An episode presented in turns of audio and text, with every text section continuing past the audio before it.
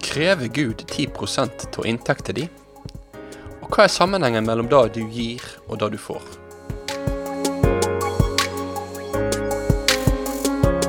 Velkommen til et eh, nytt program av Ord til liv med radio- og TV-pastor Ingvald Kårbø. Podkasten er produsert av P7 Kristen Riksradio, som vil forkynne Jesus Kristus, slik at varig frukt skapes. Vi er takknemlige for alle våre støttespillere.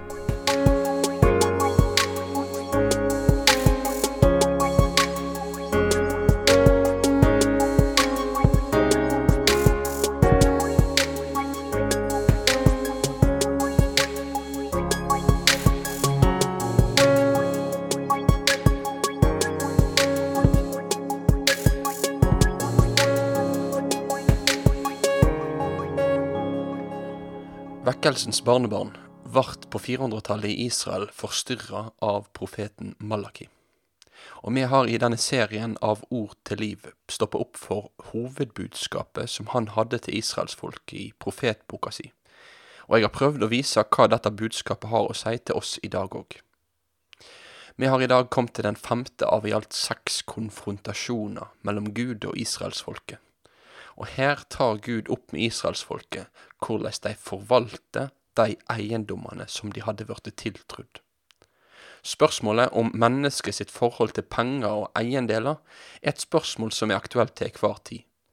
Og vi skal i dag bruke denne konfrontasjonen i Malakis bok som en inngangsport for å se noe på Bibelens budskap om akkurat dette.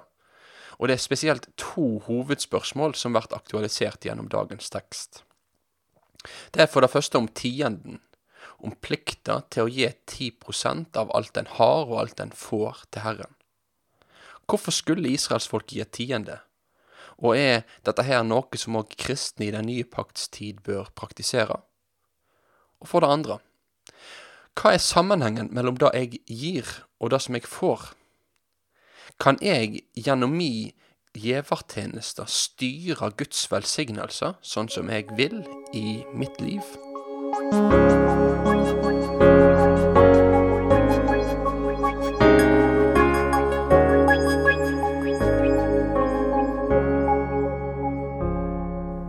Vi skal lese sammen fra Malaki kapittel 3 og vers 6 til 12.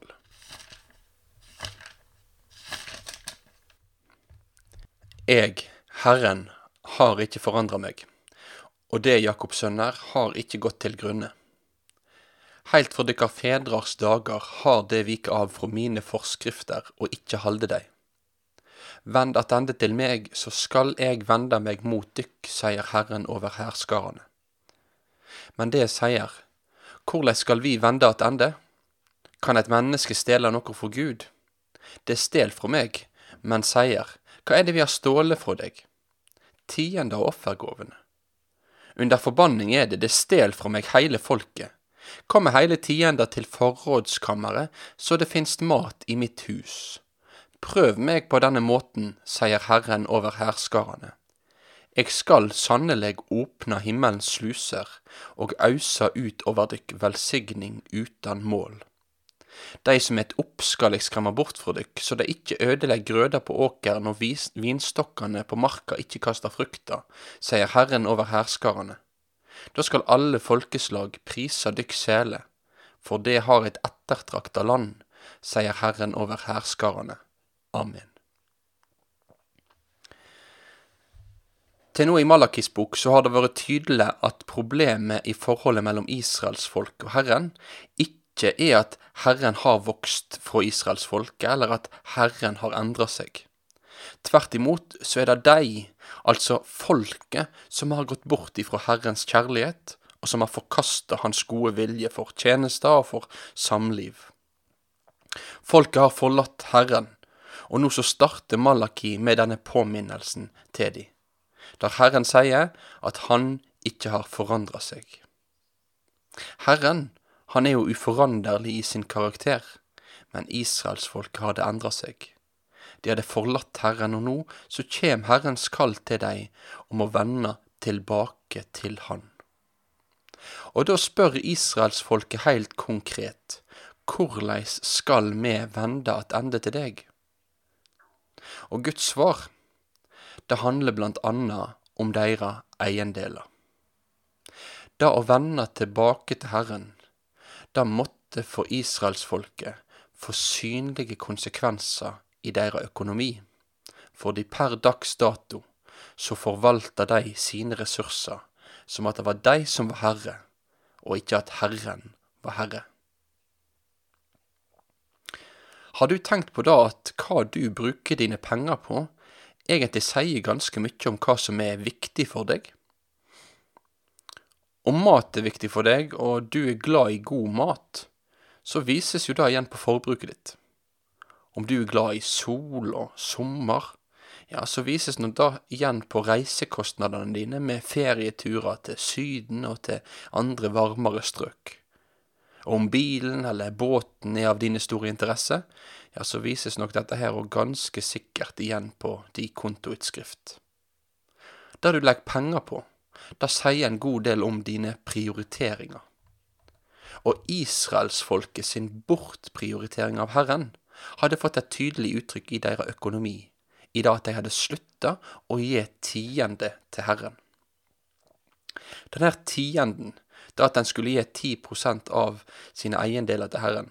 Det var lovfesta i Moseloven, og det hadde ei praktisk og ei åndelig side. Den praktiske sida handler om at prestene var avhengig av tienden for å få mat. Tienden var dermed et praktisk virkemiddel for å sørge for at de som var innvia til fulltidstjeneste for Herren, kunne få bruke tida si på akkurat da, til det beste for folket. Men det var ei åndelig side ved det. Det var nemlig sånn at folket gjennom tienden skulle få lære å være avhengig av Herren. De skulle lære at Herren var deres forsørger. Herren han hadde i Moseloven gitt sine løfter om at når de levde med han, så ville han sørge for dem, og på det materielle planet med at de ville ha mat.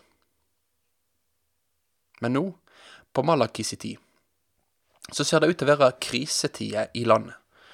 Og dette her det gjorde at tienden har blitt en, en sånn salderingspost. I stedet for at krisetida ble ei tid der folket ble gjort mer avhengig av Herren og hans forsørgning, ja, så ble det ei tid der folket sitt hjerte ble avslørt. Tienden var det letteste å kutte, når da var det siste en burde kutte.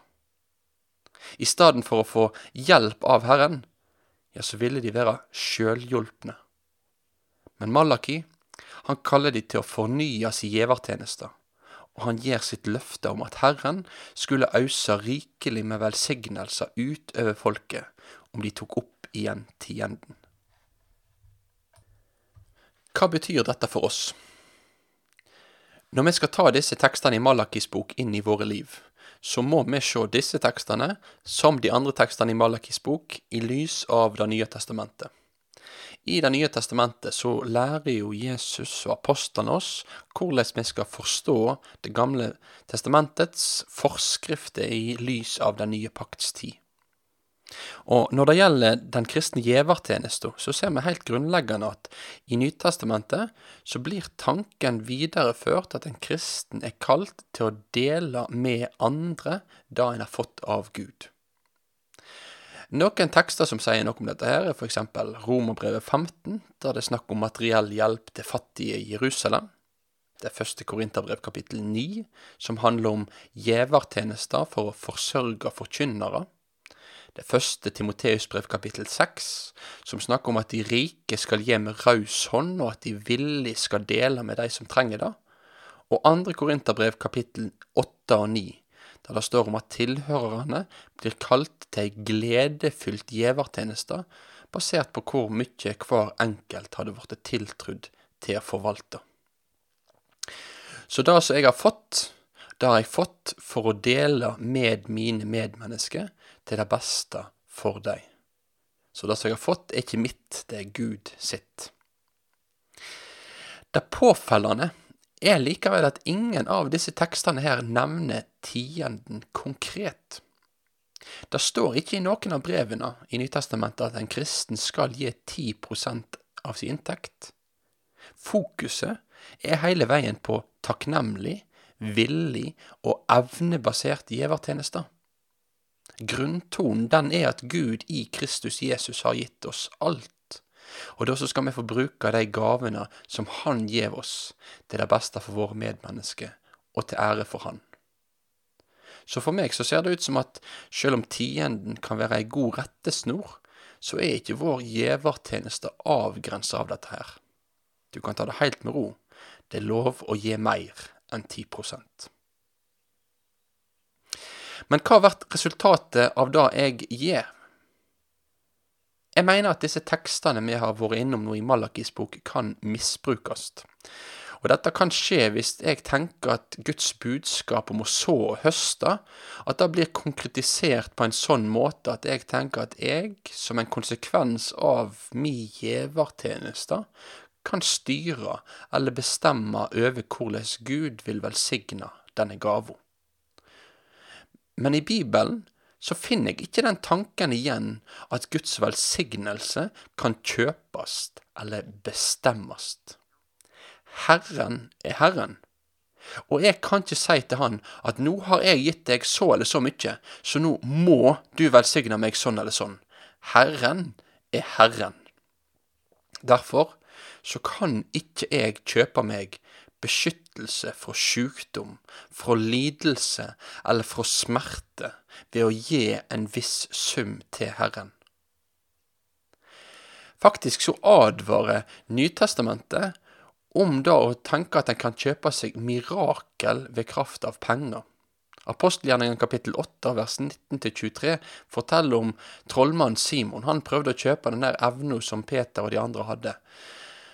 Eh, han prøvde å betale for den, men han blir kraftig irettesatt av apostlene.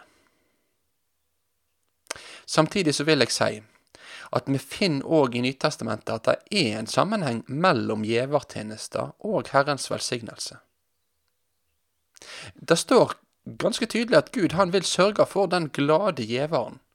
Og han, han er den som lar sine velsignelser strømme ut, både over gjever og over mottaker av gava. Og dette kan vi lese om i 2. Korinterbrev kapittel 9 og vers 6-14. Så som en gjever så skal jeg få rekne med å takke Gud for at Han velsigner de gavene som jeg får bære fram for Han. Men det betyr ikke at jeg kan styre over Herrens velsignelse. Men jeg skal forhandle i takknemlighet til at Han er den Gud som bruker de gavene til det beste for sitt rike, både i mottakeren sitt liv og i, i mitt liv. Konklusjonen er uansett for deg og for meg, vi som har fått alt, vi er kalt til å gi med raus og villig hånd til de som trenger det, til hjelp for dem og til ære for Herren. Takk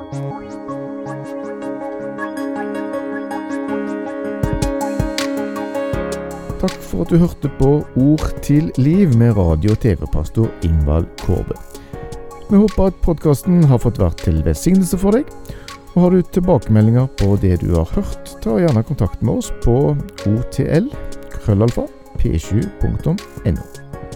P7 Kristen Riksradio ønsker med sine produksjoner å gi evangeliefokusert bibelundervisning til folk. Du finner mer godt innhold på p7.no. P7 Kristen Riksradio er takknemlig for alle som støtter kanalen, både gjennom bønn og givertjeneste. Om du vil være med og legge til rette for P7s framtidige drift, så er vi takknemlige for din støtte. Vips oss da gjerne allerede nå på nummer fem fire 7767. Takk for din støtte.